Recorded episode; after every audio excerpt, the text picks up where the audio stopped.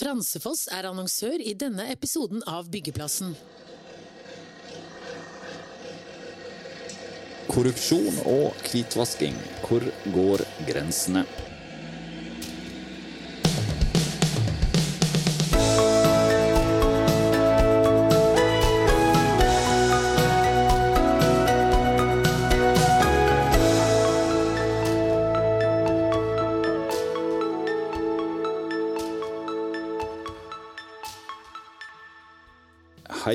Velkommen til en ny episode av Byggeplassen. I dag så skal vi snakke om ei av eh, flere skyggesider i byggenæringen. Dette er noe som er mer utbredt enn eh, det som ofte kommer fram i lyset, vil jeg tro. Det skal handle om korrupsjon og hvitvasking her i Byggeplassen i dag. Jeg heter Frode Aga, og jeg har med meg to gjester som kan mye om nettopp de temaene her. Og det kan jo få lov å presentere dere sjøl. Ja, hei. Jeg heter Tor Dølvik og er spesialrådgiver i Transparency International Norge. Vi er en antikorrupsjonsorganisasjon som har medlemmer, og som skal forebygge at korrupsjon skjer i Norge og i utlandet. Ja, Anne Marte Bjønnes heter jeg. Jeg jobber ved Politihøgskolen og underviser i etterforskning av økonomisk kriminalitet. Og I tillegg så holder jeg på med en doktorgrad ved Handelshøyskolen i Bergen, hvor jeg da forsker på hvitvasking. Dette her kjenner jeg på meg at det kan bli veldig spennende. Ok, Vi begynner med deg, Tor. Uh, Transparency International, sa du. Uh, hva kan du si om korrupsjon? Hva er egentlig det? Korrupsjon eh, er misbruk av makt, sier vi.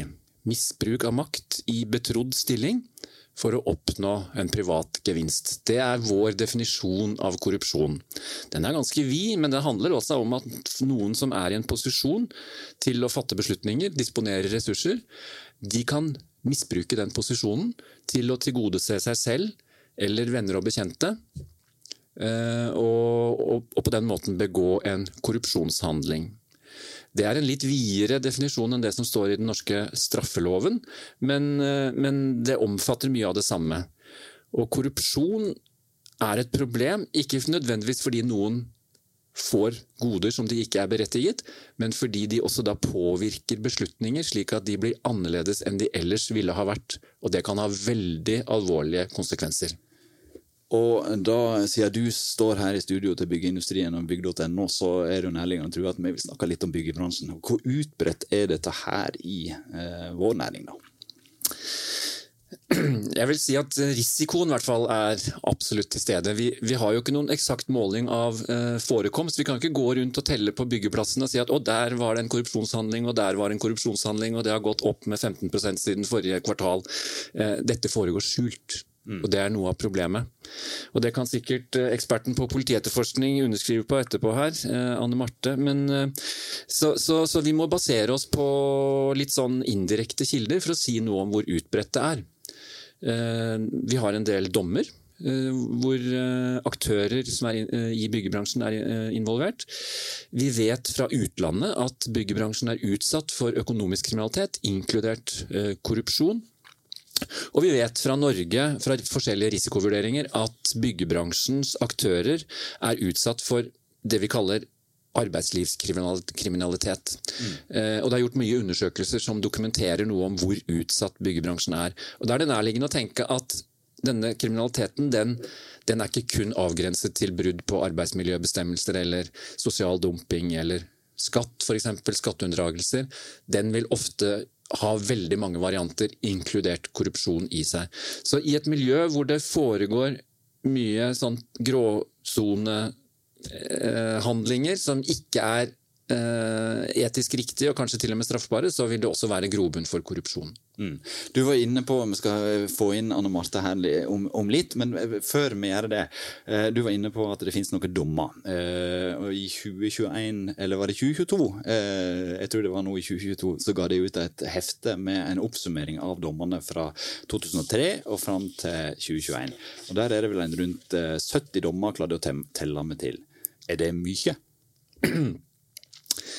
Tja eh, Jeg vil jo tro at det er toppen av isfjellet. Ja. Ja, altså for det skal ganske mye til for å kunne eh, komme frem til en rettskraftig dom. Eh, bevisføringen eh, er, Det er strenge krav til bevis for at noen skal bli kjent skyldig i en eh, straffbar handling. For, eh, fullbyrdet korrupsjon. Eh, Så det er mange saker som etterforskes. Veldig mange. altså Jeg tror vi har telt opp 580 saker i politiet som har vært etterforsket for korrupsjon. Og det er bare noen, en håndfull av dem som har endt med en eh, rettskraftig dom i domsapparatet. Det betyr jo ikke nødvendigvis at alle andre har, er kritthvite og rene, eh, men det holder ikke for en straffbar dom. Eh, altså for en rettskraftig dom. Eh, Så vi tror kanskje at eh, det er et, en stor underskog her av handlinger som ligger i gråsonen, og som ikke er bra. Og som man uansett må rydde opp i, selv om det ikke er så mange i den, den domssamlingen vår. Vi tar en kort pause fra byggeplassen for å høre fra våre annonsører. Ai, ai, ai, se der, ja. Et klassisk skjulte utgifter, rett og slett. Det er klør, ja. Jeg kan også se et større utbrudd av hvordan i alle dager skal vi håndtere alt dette avfallet irritasjon. Dette må du nesten gjøre noe med, for du utvikler byggeplassangst og allergi mot avfallshenting. Må nesten det, ja. Nei, jeg, jeg, jeg skriver ut en fransefoss til deg, så skal du nok se at det ordner seg. Med Fransefoss kan du være trygg på at avfallet blir hentet til avtalt tid, uten skjulte kostnader og andre overraskelser. Vi kurerer dine avfallsplager. Hilsen Fransefoss. Og da er vi tilbake på byggeplassen. Da tenker jeg at det er et perfekt tidspunkt for deg eh, og politiet sitt syn her. Hvorfor er det så vanskelig å, å lande der, da, på en rettskraftig dom? Jeg tror vel at eh, en av hovedutfordringene til politiet er at det er ganske ressurskrevende å etterforske økonomisk kriminalitet generelt, men, eh, men korrupsjon da spesielt, og også A-krim, som Thor var eh, inne på. Fordi at eh, Det som kjennetegner disse kriminalitetsformene, er jo at det er så, det er så mangefasettert, og det er så utbredt, og det har så mange, mange tilsnitt fra ulike både bransjer og næringer. Det har avgrensninger opp mot mange kontrolletater som jobber opp mot det. ikke sant? Arbeidstilsynet, skatteetaten, Nav-kontroll. Og disse multikriminelle driver med så mange ting, så da er det utfordrende for politiet å skulle, skulle henge med, rett og slett. Mm. Men Kan du si noe om hvordan de jobber da, for å avdekke denne type kriminalitet? Ja, altså Politiets hovedstrategi nå er jo eh, forebygging, men eh, det kan man jo ikke gjøre alene. Så man jobber også mye sammen med andre kontrolletater. Eh, annet skatt, Nav-kontroll, Arbeidstilsynet, Tolletaten, altså Fiskeridirektoratet, Mattilsynet. Altså en hel rekke kontrolletater som man kanskje ikke tenker på i det daglige, er med å bistå politiet i å bekjempe økonomisk kriminalitet. Du underviser eh, kommende politietterforskere i, i dette her, eh, og pengespor er noe som går igjen. Eh, Hva er, hva er et pengespor? Altså, pengespor er jo rett og slett eh, et spor hvor man følger eh, pengene eller verdiene. Det trenger ikke være kontanter eller, eller eh, transaksjoner i bank, men det kan jo også være kjøp og salg av eiendom, dyre gjenstander, kryptovaluta, andre ting. Rett og slett spor hvor man kan følge hvor er det pengene eller verdiene har tatt veien. Da. Og vi har spurt Tor om hvor utbredt dette her er sånn overordna. Kan du si noe om eh, vår bransje, byggebransjen? Hvorfor er, den så utsatt? Altså, det er vanskelig å kvantifisere helt eksakt, men det er klart at byggebransjen er jo en eh, lukrativ industri, fordi det er snakk om store verdier, store penger. Og så er det en arbeidsintensiv industri, det krever mange mennesker. Eh, Og mange av disse krever ikke å ha eh, lang fagkompetanse eller, eh, eller mye utdanning, sånn at det er veldig lett å få tak i arbeidere. F.eks. Fra, fra andre land som kanskje ikke har de samme forutsetningene for å stille kritiske spørsmål til sine arbeidsgivere her, eller kanskje lett lar seg utnytte da, når de kommer til Norge, for å rett og slett prøve å skape seg et bedre liv. Tor, eh, hun nevner samarbeid mm, mellom ulike etater. Sett utenfra og, fra Transparency International sin side, har, har myndighetene vært gode nok på å samarbeide på tvers for å avdekke denne type kriminalitet? Eh, både ja og nei.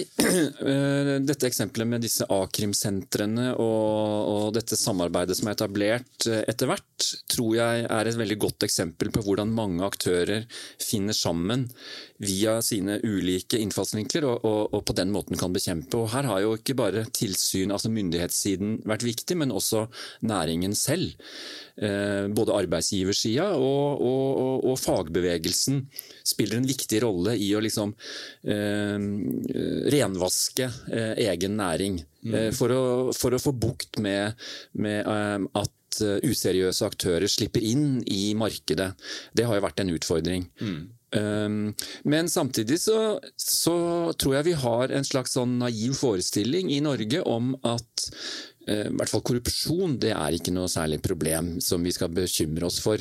Det, det, foregår i andre deler av verden, i land med høyt korrupsjonsnivå. Eh, vi stoler på hverandre og gjør som vi alltid har gjort, og, og det går bra. Mm. Og det, det, har jo ført til at det har vært liten oppmerksomhet, i hvert fall uh, både i, kommuner og på, på statlig nivå, om, om liksom å analysere risikoen for korrupsjon i egne rekker. Uh, hvor, hvor, er risikoen? Så Vi har ikke en, nasjonal strategi mot korrupsjon i Norge. Vi har ikke noe nasjonalt myndighetsorgan som har det som særskilt oppgave, bortsett fra at Økokrim er et spesialorgan da, for økonomisk kriminalitet. Men det er så å si det eneste. Så vi tror at veldig mange av de andre offentlige instansene, i hvert fall på statlig nivå, har mye å gå på for å sette dette temaet på dagsorden på en litt mer ordentlig måte. Ok, vi kan gå eh, litt inn på plan- og bygningssaker, kanskje. For det, det, noe, det har vært høyprofilerte saker i uh, over flere år nå. Trenger, det, det, er jo bare å nevne ord som Tjøme og Drammen, og, og så er det langt framme i bevisstheten på folk. Plan- og bygningsetater i kommune hvor utsatt er en uh, i, i, de etatene der? Uh, Ipsos har nettopp gjort en undersøkelse for kommunesektorens organisasjon, KS, hvor de har kartlagt hvordan ledere og sentrale medarbeidere i kommunene opplever denne situasjonen. Den undersøkelsen har blitt foretatt to ganger tidligere, og et veldig stabilt trekk i, i resultatene er at man vurderer altså ledere i kommunene vurderer plan- og byggesaksavdelingen som den mest utsatte. Og De rapporterer også at uh, grunneiere og entreprenører og tiltakshavere er de som oftest tar kontakt med kommunen for å prøve å påvirke utfallet av egne saker. Så her er det et legitimt behov for å påvirke, selvfølgelig. Når du skal søke om et tiltak eller omregulere et areal, så, så ønsker du selvfølgelig som tiltakshaver å få gjennomført det. Eh, men så skal kommunen da veie det ønsket opp mot andre samfunnsmessige hensyn, som kanskje tilsier at du ikke får lov til å gjøre det du har lyst til. Og da oppstår selvfølgelig påvirkningsmotivet. Eh, og det viser seg jo da at eh, det en del ganger fører frem. Sånn at dette er et sårbart område. Og så har vi hatt noen alvorlige saker sant, knyttet til at de som fatter beslutningene, ikke er habile eller står for tett på de som er mm. tiltakshavere, og, og sier ja i situasjoner hvor de kanskje burde ha sagt nei. Mm. Um, og og så vet vi jo da at i enkelte tilfeller har det også vært et resultat av en smøring underveis. ikke sant? Mm. Ja, har politiet noen eksempler på, på, hvordan denne her smøringen da foregår? Altså Det som er, er, utfordrende, er jo ofte at man ikke, man ikke, kan så lett avdekke det. For sånn, sånn, som I gamle dager så kanskje man hadde en, en konvolutt med en grå konvolutt med ja, penger under bordet. Ja, Det er jo den en ser for seg, ikke sant? Ikke sant? Men, men alle disse, disse korrupsjonshandlingene kan jo skjules på andre måter, f.eks. i regnskapet. Ta et eksempel hvor du kjøper en konsulenttjeneste. Da. Du får en faktura, du har en konsulent som formentlig har gjort en tjeneste for deg, og så har det ikke skjedd noen ting. Men så mm. ser du som du har en reell leverandør som har levert et eller annet, skriver noe humbug på den fakturaen, og så, og så bare bokføres det ordinært. Og så er det ekstremt vanskelig å bevise at det faktisk er en korrupsjonshandling, og ikke en, en tjeneste som har blitt levert. For der leverer du timer, og ikke en håndfast eh, ikke sant? ting. Ja. ja. Eh, de, de, de, grå konvoluttene, eh, når var det vi slutta å se dem på byggesakskontorene? Kanskje da loven ble endret og ikke det var skattemessig fradragsberettiget å begå korrupsjon? Jeg vet ikke. Hva tror du, Tor? Nei, men så er det jo andre ting også, En tilbyr jo tjenester. ikke sant? Det kan være håndverkstjenester, det kan være gratis hytte en eller annen fin plass. Eh, hvor utbredt er sånne, sånne ting som det? Altså, vi, vi, får veldig mange henvendelser fra folk rundt omkring i hele landet som er opprørt over et eller annet som de har observert i egen kommune. Så ringer de til oss og så sier at eh, nå må Transparency International ta saken, for dette går ikke an. Ja. Og Da sier jo vi at eh, det er dessverre ikke vår oppgave. Da må du gå til politiet hvis du mener at det har skjedd noe straffbart. Ja. Eh, eller hvis du mener at det er noe kritikkverdig, så må du ta det opp med, med de styrende organene i kommunen. Eh, så vi har jo et slags inntrykk av at det rører mye rart på seg. Eh, jeg var nettopp på en konferanse som vi arrangerte sammen med Kommunaldepartementet og, og KS, hvor det kom en representant fra byggesaksavdelingen i Karmøy kommune. De har kartlagt ulovligheter innenfor byggesak i egen kommune og, og identifisert 6500 tiltak som er gjennomført uten at de har vært søkt om. Ja.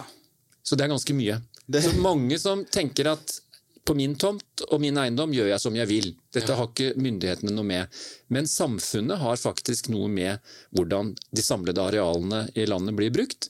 Og på kommunalt nivå så er det da kommunen som har myndighet til å si ja eller nei og godkjenne tiltak. Mm.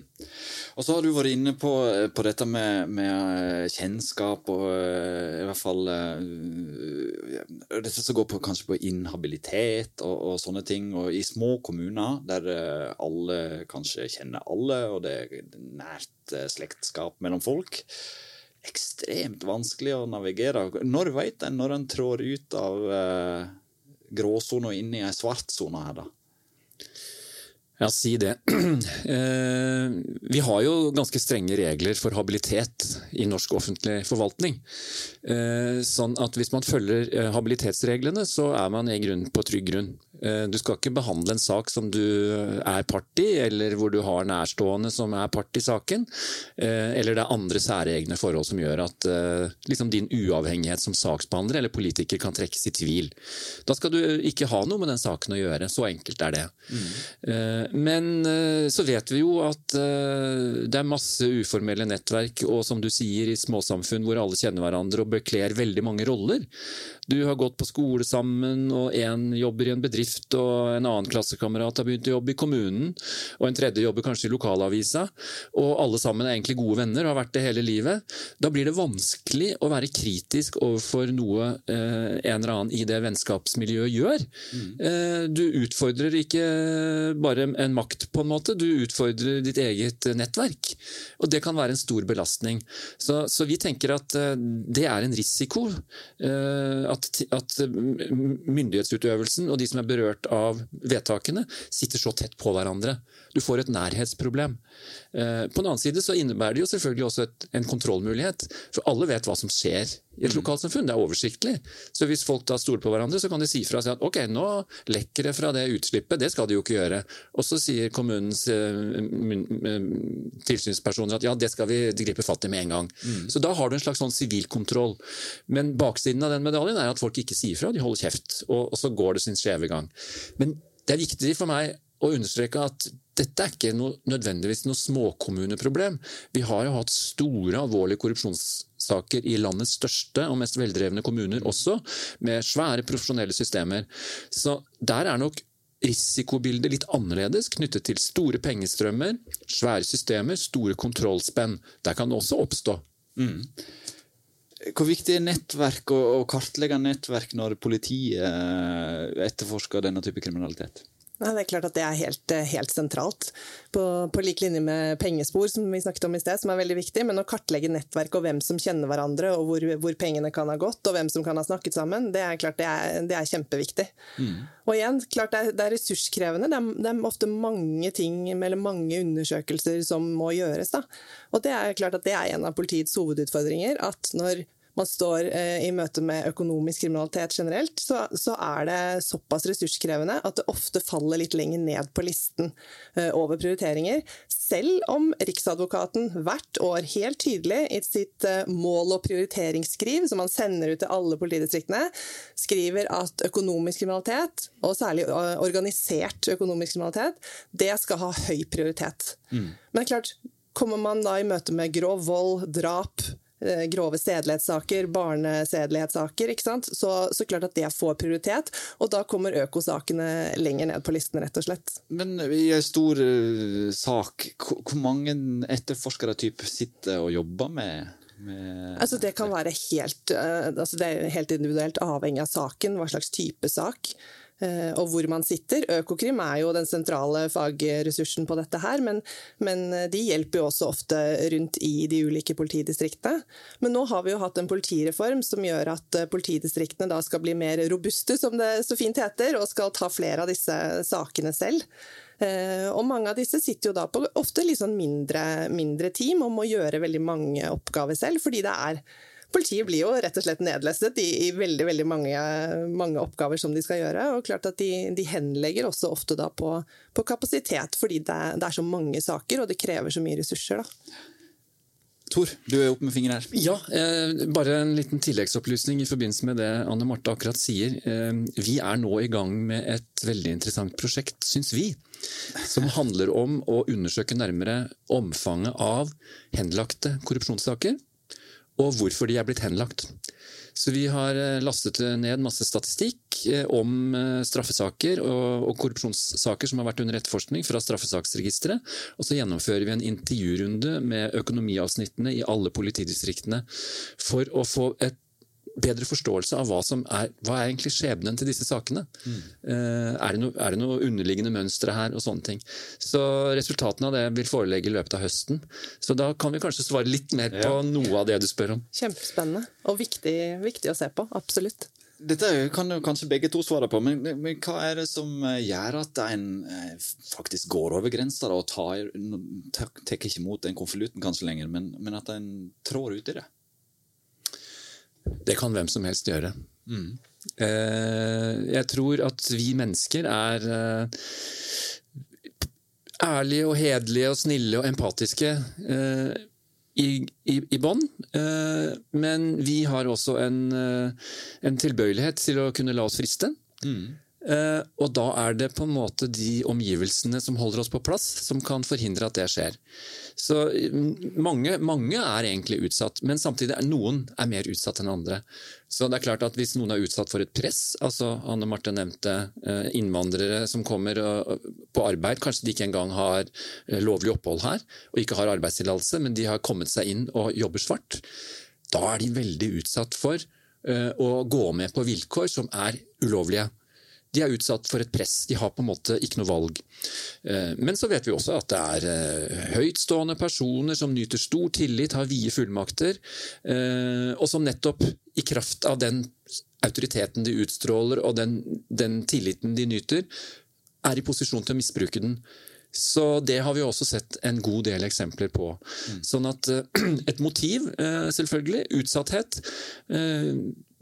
forvalte mye myndighet, eh, eller, eller disponere mye avgjørelsesmyndighet knyttet til penger, så, så, så, er man egentlig i en situasjon som kan gå gærent hvis, hvis det ikke er kontroll.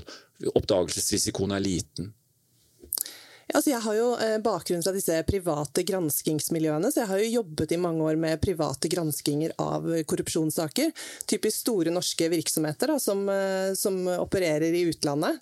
Og det vi har sett i en del av de sakene, mange av de har jo ikke kommet i mediene, fordi de foregår jo da, eller granskingen foregår privat, og man vil kanskje ikke ha noe medieoppmerksomhet rundt dem.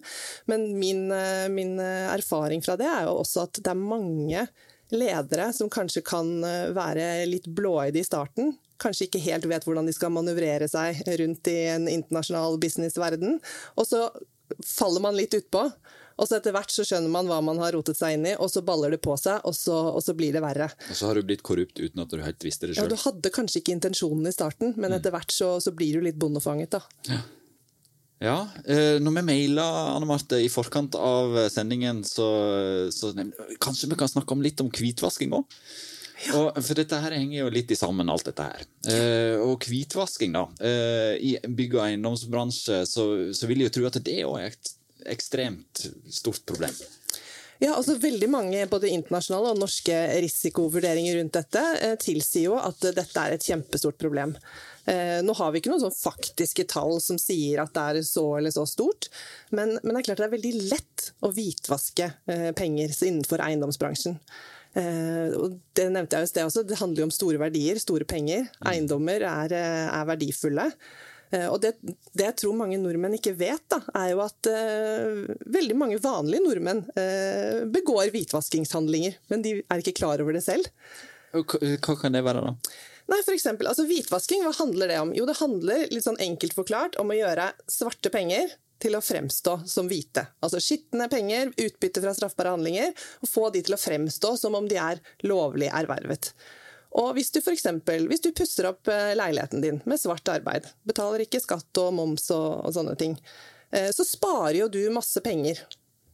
Eh, det er jo utbytte fra en straffbar handling å spare de skattepengene. Da sitter du igjen med veldig mye mer penger enn du ville ha gjort hvis du hadde kjøpt disse tjenestene hvitt fra en, en lovlig aktør. Og når du selger leiligheten din da, med en stor gevinst, så har du hvitvasket penger. Du har gjort det. Uh, og dette her er jo noe som politiet kanskje har lagt mer trykk på, i hvert fall har inntrykk av det, uh, de siste, uh, siste åra.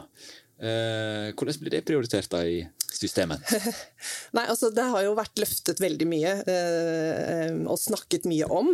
Men jeg vet ikke om altså sånn privat, eh, privataktører som hvitvasker, det har vel kanskje ikke hatt et veldig stort trykk i politiet. Men, men den jobben som eh, Enhet for finansiell etterretning, som det kalles, EFE, hos Økokrim, mm. som sitter og tar imot disse hvitvaskingsmeldingene som kommer inn fra bankene og finansforetakene, forsikringsselskaper, revisorer, regnskapsførere osv. De sitter og prosesserer masse meldinger, og der ser vi at der er det mange meldinger fra eiendomsmeglere eh, som, eh, som, ser at her er, det, her er, det, et eller annet. Så da kommer det et varsel fra en da megler? Som, det. Ja. Ja, de sender varsler og, og, sier at her er det et eller annet. Her virker det som man kanskje har pustet opp ulovlig, eller store, store næringsaktører som, som, driver med et eller annet og, og dytter, dytter, svarte penger inn i, inn i eiendomsmarkedet. Da. Og her ser vi eh, eiendomsmeglerbransjen har vært eh, si, best i klassen, i hvert fall i rapportering. De, de har en eksponentiell økning i rapporter de siste årene, så der har det vært veldig, veldig mye. Ja, jeg skulle bare Anne Marte sa det egentlig, men, men det er etter hvitvaskingsloven noe som heter rapporteringspliktige. Eh, og meglerne er det.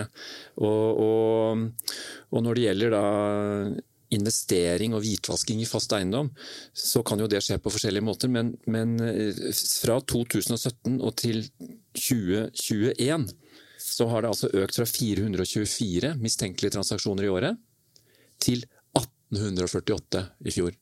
Det er en formidabel økning i i eiendomsmeglernes rapportering av mistenkelige transaksjoner. Men Er det et tegn på at det har blitt verre, eller at de har blitt flinkere til å rapportere? Det kan være begge deler. Det, der hadde du et uh, innspill. Ja, altså, dette er faktisk midt i kjernen av det jeg sitter og forsker på nå. Syns det er kjempespennende. Jeg har snakket litt med Tor om dette her eh, tidligere også. Da har du svaret, du, da. Uh, ja, jeg skulle ønske at jeg hadde et veldig klart svar. Men, uh, men, dette sitter jeg faktisk og jobber med nå i disse dager, for å se om altså, er det egentlig bare at de har blitt De fyrer av gårde flere meldinger, eller, eller er det mer hvitvasking, eller hva er det, hva er det vi egentlig står overfor her? Ja. ja. Har du et svar til oss? Ikke et klart Ikke. svar ennå. Dette forsker du på. Ja. Veldig interessant er det i hvert fall.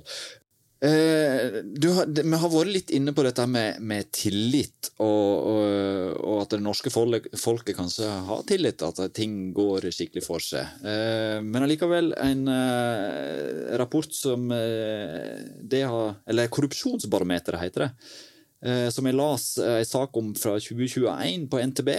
Der sier en av fem eh, at de mener korrupsjon er et stort problem hos myndighetene, mens hele 95% tror noen eller de fleste bedriftsledere er involvert i korrupsjon. Altså det, er en, det, det, er jo en, forskjell her mellom det offentlige og det private. Og, og er den forskjellen så stor som det tillitsbarometeret her skulle tilsi? Det er litt forskjellige spørsmål du, du, refererer til der, så jeg tror nok at disse prosentandelene ikke kan sammenlignes helt uten videre på tvers av, av spørsmål. Men, men, men hvordan står det til med tilliten, da? Det, altså, det, er et litt sånt motsetningsfylt bilde. Altså, vi er liksom verdensmestere i tillit i Norge. Eh, vi Sammenlignet med alle andre land så stoler vi på hverandre som innbyggere. Eh, hvis du treffer en fremmed person på gata, så, så, så, så er det i utgangspunktet ikke redd for vedkommende. Eh, og vi stoler på myndighetene at de gjør det de skal, hvis du har tillit til politifolkene i gata.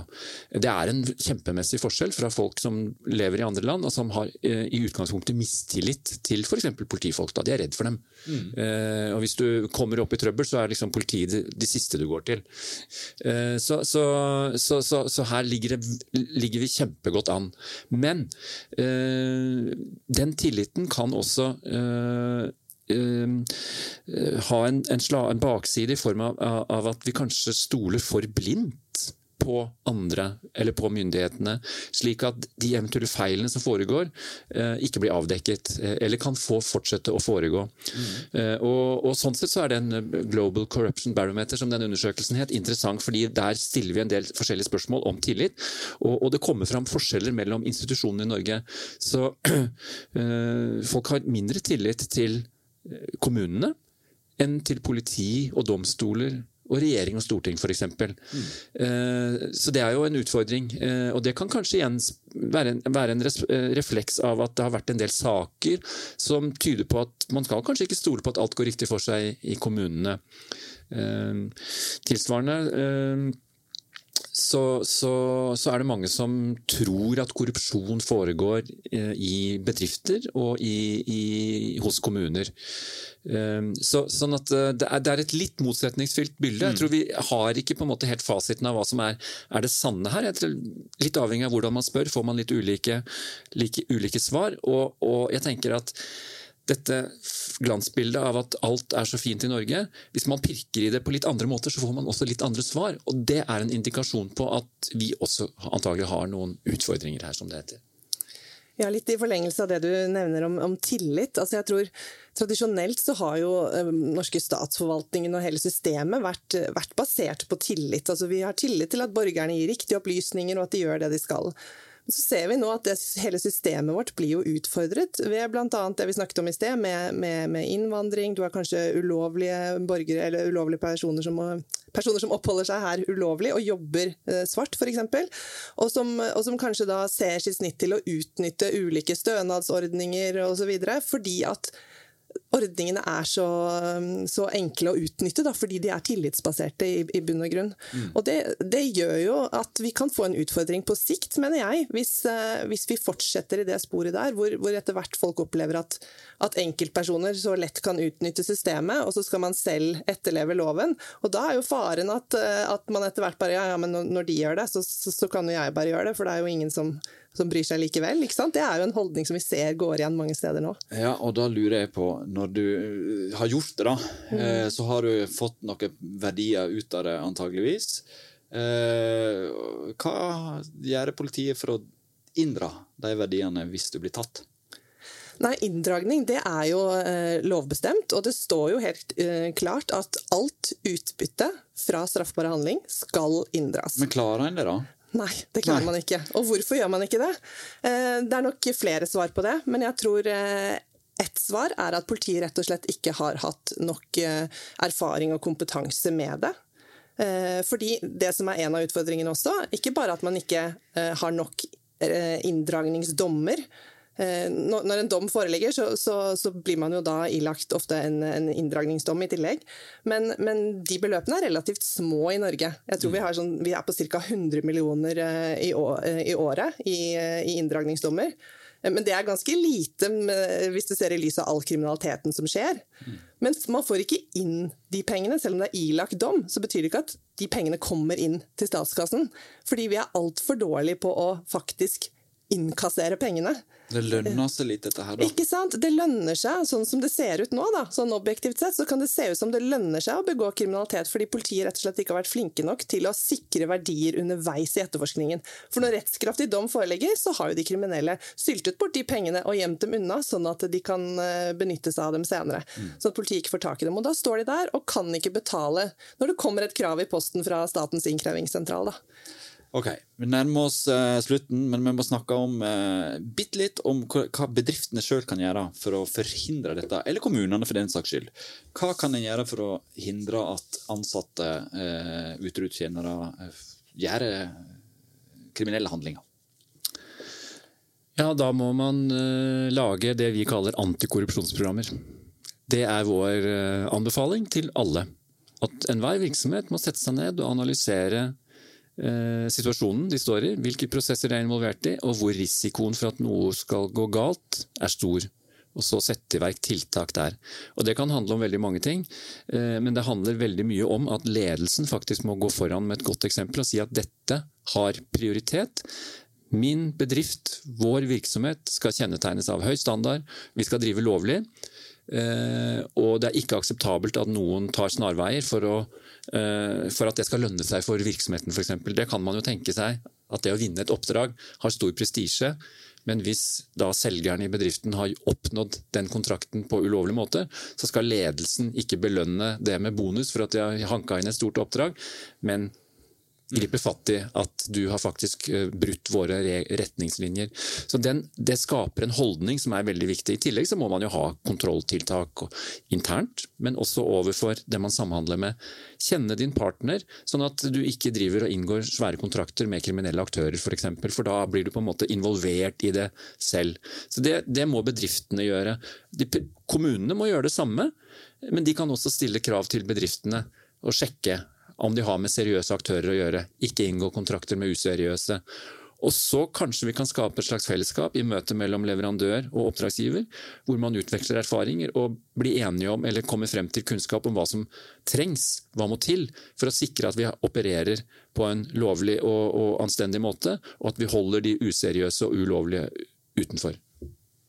Jeg støtter alt du sier, eh, Tor. Jeg tror et viktig poeng her er at det er samsvar mellom hva ledelsen sier og hva de faktisk gjør.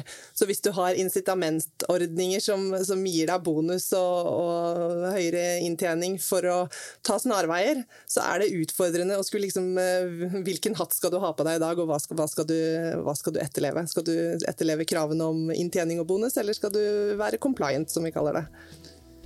Da tenker jeg at vi takker både Tor Dølvik og Anne Marte Bjørnes for at eh, de hadde lyst til å være gjester her i Byggeplassen og fortelle litt om korrupsjon og hvitvasking eh, for oss. Bare hyggelig. Takk for at vi fikk komme. Snart kommer vi tilbake med en ny episode av Byggeplassen. Takk for oss. Fransefoss var annonsør i denne episoden av Byggeplassen.